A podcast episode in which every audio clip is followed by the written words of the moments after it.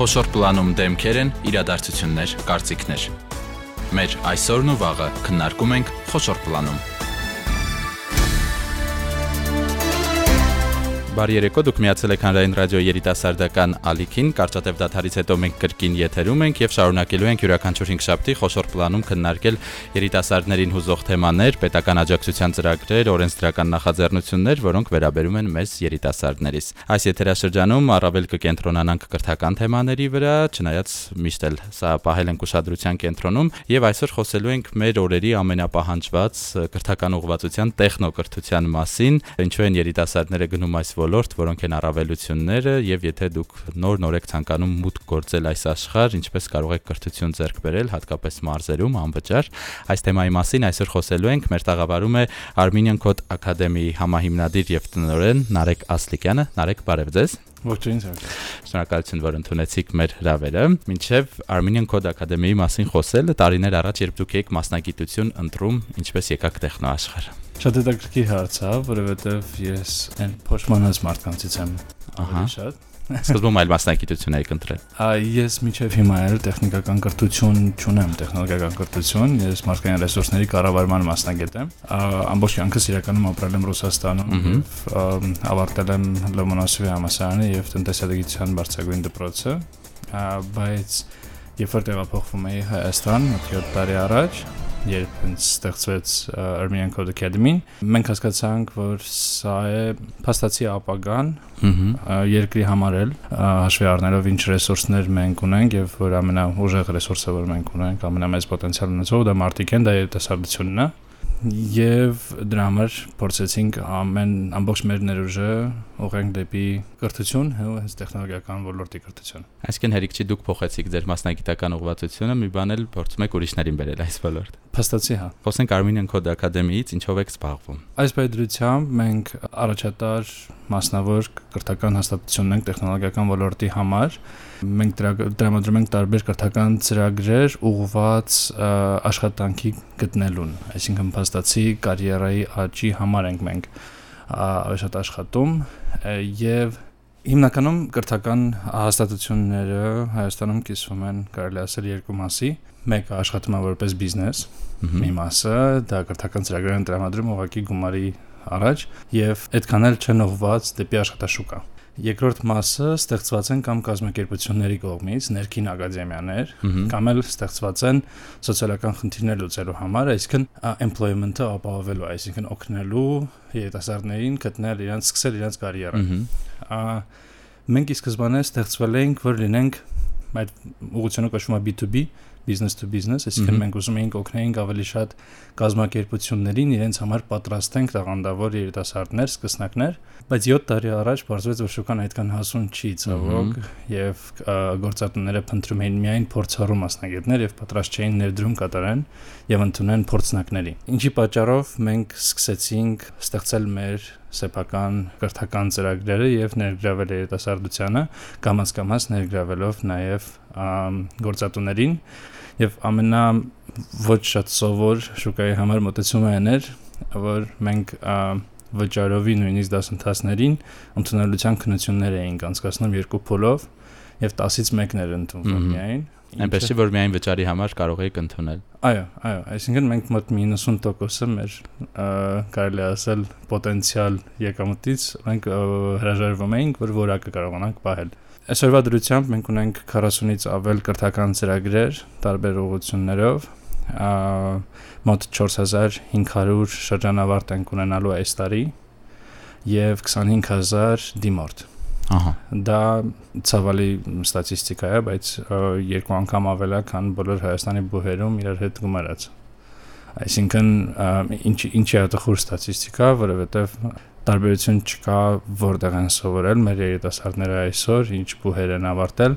իրենց մեկը պետքա մի կես տարի եւս առնվազն սովորել, որ մասնագիտություն ստանալ եւ սկսել իրենց կարիերան։ Ինչը իրանք ինքնուրույն էլ սովորաբար չեն անում, այն գալիս են մեզ մոտ, որ մենթորների հետ միասին աճեն։ Շատ բարի։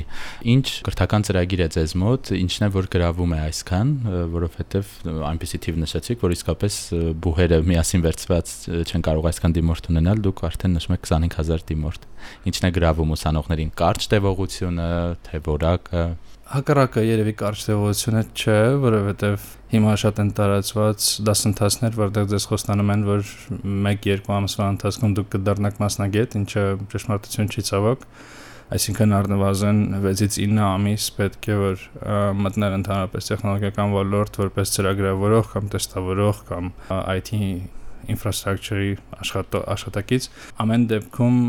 գրավում է որակը, գրավում են դասավանդողները եւ գրավում է ծրագիրը, որովհետեւ ծրագիրը համաձայնեցված է ոլորտի առաջատար կազմակերպությունների հետ դասընթացավարներն էլ մեծ մասամբ հենց արդեն փորձառու աշխատակիցներն են այդ կազմակերպությունների այսինքն ուղիղ հետ կապը մենք ապահովում ենք եւ բացի դրանից մոտ 50%-ը մեր ծրագրերի իրանք անվճար են այսինքն ֆինանսավորվում են մի այլ կողմից, այսինքն կամ ինչ որ կրթաթոշակներ ենք մենք ներգրավում կամ գործատուներն են ամբողջական ֆինանսավորումը ապահովում։ Դրան դեռ կանդրադառնանք, ես ուսումնասիրեցի ձեր կազմակերպության դասընթացները, փաստորեն ոչ միայն պարզապես ծրագրավորում, որովհետև երբ ասում ենք ՏՏ, կարելի ասել առաջինը դա ենք պատկերացնում, այլև կարող են ձեզ մոտ սովորել գրաֆիկ դիզայն, մարքեթինգ, ինչ մասնագիտացումներ կան մենք ոչ թե ծրագրավորողներ ենք պատրաստում, մենք փորձում ենք մատակարար լինել տեխնոլոգիական ոլորտի համար եւ եթե հիմիկվա դրությամբ նայենք ինչն է պահանջարկը, ինչ մասնագետներ են պահանջված, դա ծրագրավորողները չեն առաջին հերթին, որովհետեւ քանակով ծրագրավորողներ կան։ Իհարկե հաստիկները ավելի շատ են ծրագրավորողների համար, բայց խնդիրները, որոնք առաջանում են գործատուների մոտ, առաջի հերթին կապված են ավելի բիզնեսային ուղությունների հետ,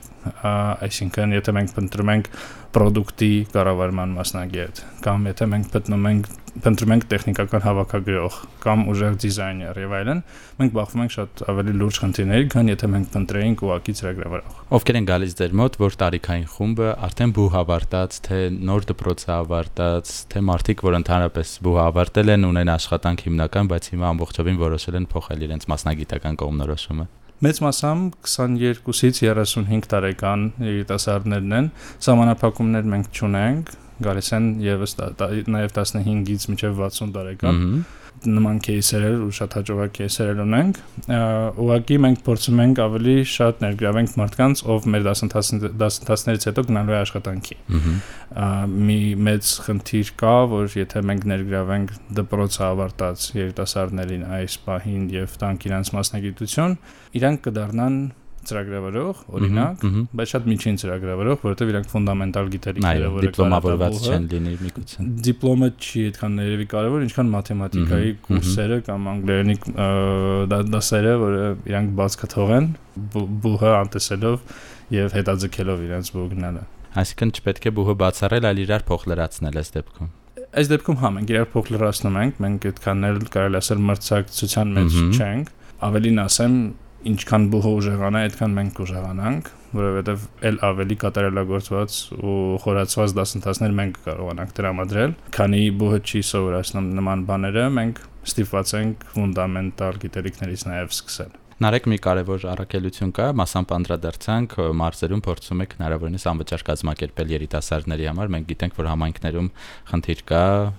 բարեկեցության, ֆինանսավորման եւ շատ տաղանդավոր երիտասարդներ չեն ձեռք բերում մասնագիտություն հենց ընտանեկան կարգավիճակի պատճառով։ Ինչպես է կարողանում գտնել հովանավորներ եւ օրինակ որ մարզերում ունեք դասընթացներ։ COVID-19-ից հետո 2020 թվականից հետո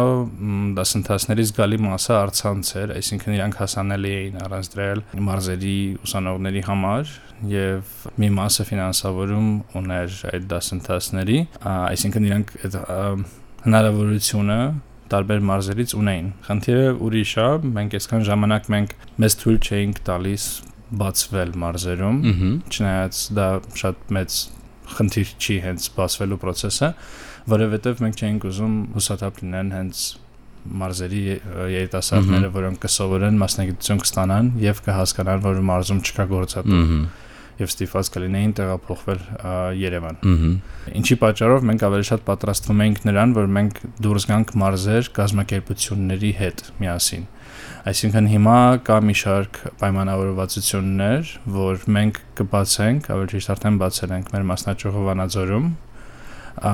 որը կգործի ամբողջ Լոռու մարզվա երիտասարդության համար, բայց երբ որ մենք արդեն պատրաստելուն մոտիկ լինենք մասնագետներին, այսինքն մոտ մի կես տարի հետո մեր գործընկերներից մի քանիսը կբացեն իրենց մասնաճյուղերը նաև Վանաձորում ու կապահովեն աշխատատեղերը այդ երիտասարդների, այդ շրջանավարտների համար դրա համար ֆինանսավորում գտնելը այդքան խնդիր չի, այս բայդրությամբ մենք սկսել ենք ներածության դասընթացները վճարովի, բայց շատ ավելի էժան, քան Երևանում տրամադրելով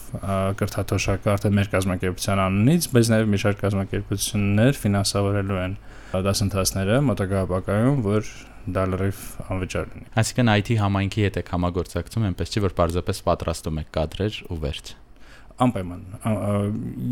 մենք քանի որ հասարակական կազմակերպություն չենք առաջի հերթին մենք ծառայությունների մատակարար ենք աշխատանքային տեխնոլոգիական ոլորտի կազմակերպությունների համար մեզ ավելի հետաքրքիր է որ ֆինանսավորողը լինեն հենց կազմակերպությունները հենց շահառուները ապագա որոնք լինելու են այդ տաղանդների գործատուները ոչ թե ինչ որ ֆոնդեր կամ ուրիշ կազմակերպություններ, բայց նրանց նրանց մենք բաց, այսինքն այս բայդրությամբ մենք ուզում ենք հնարավորությունը ստեղծենք շատ մեծ պոտենցիալ ունեցող մարզերի երիտասարդների համար, որ ընդհանրապես գնահատված չի ոլորտի կողմից ոչ մի ձև, այսինքն մենք ունենք շատ խելացի երեխաներ, բայց նրանք չեն երևում նրանք ոչ մի ձև չեն երևում, նրանց հնարավորություն չի տրվում ու միակ ձևը, որ առաջարկվում է, դա ինքնուրույն կամ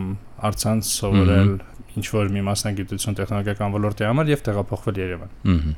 Դեքել համայնքը։ Այո Եվ ինչ է ցույց տալիս Վանաձորի փորձը, նշեցիք վերջերս եք բացվել, ինչքան դիմորդներ ունեցաք, քանիս անցան եւ քանիս են հիմա սովորում։ Մի քիչ հերվից սկսեմ Երևանում, երբ որ ինչ որ մի կարելի է ասել սիգնալ ենք ստանում կազմակերպությունների կողմից, որ օրինակ չեն երիկում DevOps մասնագետները կամ data engineer-ները եւ այլն։ Մենք 0-ից մարդկանց կարելի ասել համոզում ենք, որ իրեն սովորեն Ագիտացիա եք անում, լավ իմաստով է։ Այո, ագիտացիա ենք անում, որ սա լավ մասնագիտություն է, սա պետք է սովորել եւ միշտ ունենում ենք խնդիրներ սկզբնական շրջանում դիմորդների հետ կապված։ Նույնը հիմա կատարվում է Վանաձորում։ Այսինքն ես չեմ կարող ասել, որ շատ մեծ քանակությամբ այս բանը դիմորդներ ունենք, բայց մենք նոր ենք սկսել այդ ագիտացիոն փուլը, որ կազմակերպությունները գալու են Վանաձոր։ Դա լինելու է ոչ թե ուղակի սովորել, դա լինելու է կարիերա սկսել, շատ հետաքրքիր ապրանքների վրա աշխատել, ապագա ունենալ եւ ֆինանսապես նաեւ ապահովել։ Այլ մարզեր գնալու մտադրություններ կան, օրինակ Շիրակի մարզ հաշվի առնելով երկրորդ մեծ քաղաքն է այնտեղ։ Չեմ կարծում որ երկրորդը Սյունիք, Սյունիք այո։ Հարավել ռազմավարական նշանակություն ունեցող։ Սյունիք միանշանակ գնալու ենք Վանաձորից հետո, բայց Շիրակի մարզ չեմ կարծում որ այս պահին կլինի հենց երկրորդ քաղաքը Գյումրին կլինի, որտեղ մենք կգնանք, որտեղ այնտեղ արդեն կան այսպես թե այնպես զարգացած է, չէ՞։ Այո, կան կազմակերպություններ ոչ շատ, բայց ամեն դեպքում կան մարդիկ, ով գործում է այդ ուղղությամբ։ Շատ քիչ մարդիկ կային, ով լորը մարզի համար գործում է եւ ինչ որ նախաձեռնություններ այնտեղ սկսում եւ մեզ համար Վանաձորը նաեւ կարեւոր էր, որովհետեւ մի քիչ կարող է ռոմանտիկ հնչի, բայց մի 5 տարվա ընթացքում մենք ուզում ենք սարքենք տեխնոլոգիական hub Վանաձորում, որը կգրավի նաև Վրաստանից մարդկանց եւ լինելով հենց ճանապարհի կեսին Երևանի ու Թիֆլիսի մենք կկարողանանք միջոցառումներ կազմակերպել, կոնֆերանսներ, ֆորումներ եւ այլն, որը նաեւ կներգրավի Վանաձորից։ Կոնկրետ Վրաստանից։ Վրաստանից։ Կոնկրետ որ կրթական ծրագիրն է այնտեղ գործում, ինչ են սովորում երիտասարդները այս բանին մենք առաջարկել ենք երկու ամենաունիվերսալ ծրագրավորման լեզուները JavaScript-ը եւ Python-ը։ JavaScript լեզուն ինքը հնարավորություն է տալիս տարբեր մասնագիտություններ ունենալ ապագայում web եւ mobile ծրագրավորման մեջ։ Python լեզուն տալիս է ավելի շատ մուտք դեպի համ ծրագրավորում, համ տվյալագիտություն, համ տեստավորում, համ DevOps եւ մի շարք ուրիշ մասնագիտությունների։ Այսինքն փորձում ենք այդ բազան ստեղծել երկու ծրագրման լեզուներով, բայց անշուշտ սկսելու ենք նաեւ ոչ տեխնիկական դասընթացներ մարքեթինգի եւ ռեկրուտմենտի ուղղվածությամբ, որ նաեւ ներգրավենք երիտասարդներին, որոնք ունեն տեխնիկական, ինժեներական, մաթեմատիկական կրթություն, բայց ունեն լավ անգլերենի իմացություն եւ պատրաստ են ավելի ոչ տեխնիկական մասնագիտությունների մեջ խորանալ։ Նարեկ, դուք ունեք մասնագետների այն բավարար բազան, որը կարող է այսքան դիմորդի սպասարկել, նշեցիք տարեկան կարող եք մինչև 25000 դիմորդ ունենալ, իհարկե ոչ բոլորն են ընդունվում, բայց մեծ թիվ է եւ արդյոք մասնագիտական ներուժը բավարարում է։ Դասավանդողների նկատի ունեք։ Ոչ։ Ոչ մի դեպքում։ Այսինքն նույնիսկ ընդունվածները ցավոք սպասում են ACA-ում այս պահին, որ դասավանդողները անցնեն բոլոր փուլերով ու կարողանան սկսել իրանց դասընթացը, այս պահին 200-ից ավել դասավանդողներ կան, որոնք տարբեր ֆորմատներով ներգրաված են, բայց ամեն դեպքում մենք Հայաստանում այդ ներուժը չունենք։ Մենք ներգրավում ենք արդեն զգալիորեն ավելի շատ մարդ դրսից, որոնք արցանց դասընթացներ են վարում, մեծ մասամբ Սփյուռքից եւ շատ հետաքրքիր кейսեր են լինում, երբ որ դասավանդողը օրինակ Եվրոպայից որոշում է դասավանդել, հրաժարվում է որևէ ֆինանսական բաղադրիչից մեր համագործակցությամբ եւ խնդրում է դրա փոխարեն մենք մի քանի ուսանողին անվճար ընդունենք։ Ազգությամբ հայերին ասեն է հա, խոսքը։ Հա, ազգությամբ ոչ հայերին էլ է եղել, երբ որ մենք ներգրավել էինք Միացյալ Նահանգներից մի մասնագետի ինքը խնդրեց գումարը ուղենք դեպի ուկրաինական ՀԿ, ոչ թե մենք վճարենք Իրան օրինակ, այսինքն այդ տարածվածա շատերը ամեն դեպքում ներգրավվածությունը կրթության մեջ դիտարկում են ոչ թե որպես գումար վաստակելու միջոց, այլ որպես համզարգանալու, որովհետև դասավանդելը իրականում սովորեցնում է նաև դասակարգում ամբողջ այդ գիտելիքը, որ մարդ ունի, եւ բացի փոխադարձ օգտավետ գործընթաց է։ Այո, համել եթե պատկերացնենք ծրագրավորողի օրը, ինքը իհարկե շփում ունենում է, բայց մեծ մասամբ համակարգչի հետ համագործակցում հաղորդակցվում օրվա ընթացքում եւ երեկոյան շփվել փայլուն երիտասարդների հետ դա ցենց առանձնահատուկ հաշվիկ է Շատ բարի դուք նշեցիք 7 տարի գործում եք արդեն ունեք դասավանդողներ ովքեր ժամանակին ձեզ մոտ են սովորել Իհարկե անգլերեն արտահայտություն կա giving back to community այսինքն մարդ ով մեզ մոտ սովորել է անցել է արդեն 3-4 տարի արդեն աշխատել է ինչ-որ միտեղ եւ բավականին չափ փորձ է հավաքել ինքը վերադառնում է մեզ մոտ եւ սկսում է դասավանդել եւ իհարկե նրանք ամենալոյալ դասավանդողներն ամենասրտացավ եւ պետք է նշեմ որ նման դասավանդողները ավելի արդյունավետ են դասավանդում, քան 15-20 տարվա փորձ ունեցող դասավանդողները, որտեղ իրանք տարիներով ավելի մոտ են իրանց դիմաց նստած երիտասարդներին։ Շատ բարի, Նարեկ վերջին շրջանում կարելի է գրեթե ամեն օր հանդիպել, որ Երևանում կամ որևէ մարզում անցկացվում է ՏՏ ինչ որ միջոցառում, տարիներ առաջ մատների վրա կարելի էր հաշվել։ Հիմա ամեն ընկերություն կամ միջազգային կազմակերպություն դա ներկայացնում է որպես տարվա գլխավոր IT միջոցառումը եւ եթե հետեւում ենք լրահոսին, յուրաքանչյուրն էլ բավականին շատ մասնակիցներ է ունենում։ Ինչքանով են նման միջոցառումները նպաստում համայնքի զարգացմանը, երիտասարդների ներգրավմանը, անկախ նրանից թե ով է կազմակերպ կերպողը եւ ինչ ուղղվածություն ունի նպաստում են միանշանակ եւ շատ կարեւոր են եւ ամենաթույլ կողմերից էր դա մոտ մի 3-4 տարի առաջ բացակայությունը նման միջոցառումների այսինքն տարվա ընթացքում մենք ունենք 2-3 կոնֆերանս եւ երևի 5-ից 10 meetup, այսինքն փոքր ծավալի հանդիպումներ նեղ մասնագիտացված այս բայդրությամբ մենք ունենք երևի ամեն օր ինչ որ մի միջոցառում, հաշվի առնելով, որ միջոցառումների մոտ 50%-ը կազմակերպված է Ռուսաստանից տեղափոխված մասնակիցների կողմից եւ նրանք մեզ սովորացրեցին, թե ոնց է պետք համայնքների հետ աշխատել, որովհետեւ շատ մասնագիտացված համայնքներ կան, որոնք Հայաստանում չէին եղել այսքան ժամանակ եւ իրանք շփատների ընթացքում ստեղծվեցին տեղափոխված մասնագետների կողմից եւ ներգրավեցին նաեւ տեղացի մասնագետներին հայ մասնագետներին եւ այս բայդրությամբ շատ աշխուժ է կյանքը ոլորտում եւ դա նպաստում է համ աճին, որովհետեւ հանդիպում են մարդիկ շփվում են եւ երեք մենք փնտրում ենք դասավանդող մի ուղղության համար պատահական տեսնելով մի 5-ից 6 պրոֆայլ մարդկանց Ռուսաստանից տեղափոխված, մենք նկատեցինք, որ այդ 6-ից 2-ը աշխատանքից ազատվել են Ռուսաստանում, տեղափոխվել են այստեղ եւ ստեղ ստեղծել են կազմակերպություն։ իրանք են ստարտափ սկսել այստեղ։ Այսինքն ամեն դեպքում տնտեսության ռեալա դա ազդելու, երիտասարդները ավելի շատ հնարավորություններ են ունենալու եւ շփումը, որը տեղի ունենում այդպես միջոցառումների ժամանակ, ինչ որ արդյունք վաղ թե ուշ ունենում է։ Հենց Ռուսաստանից եկած մասնագետների մասին է ուզում հարցնել, առաջին տպավորությունը, որ միգուցե նրանք զբաղեցնում են այն հաստիկները, որոնք մեզ համար էին նախատեսված, բայց դուք նշում եք, որ իրենք են բացում կազմակերպություններ եւ փաստորեն իրենք ել ավելի են ակտիվացնում ՏՏ համայնքը Հայաստանում ճշմարտությունից շատ-շատ հեռու է այդ տեսակի վարկածը։ Հա, այն որ մենք լսում ենք, որ իրանք զբաղեցնում են ինչ որ մեր հաստիկները, ես վատ նորություն ունեմ, այդ հաստիկները բաց էին տարիներով։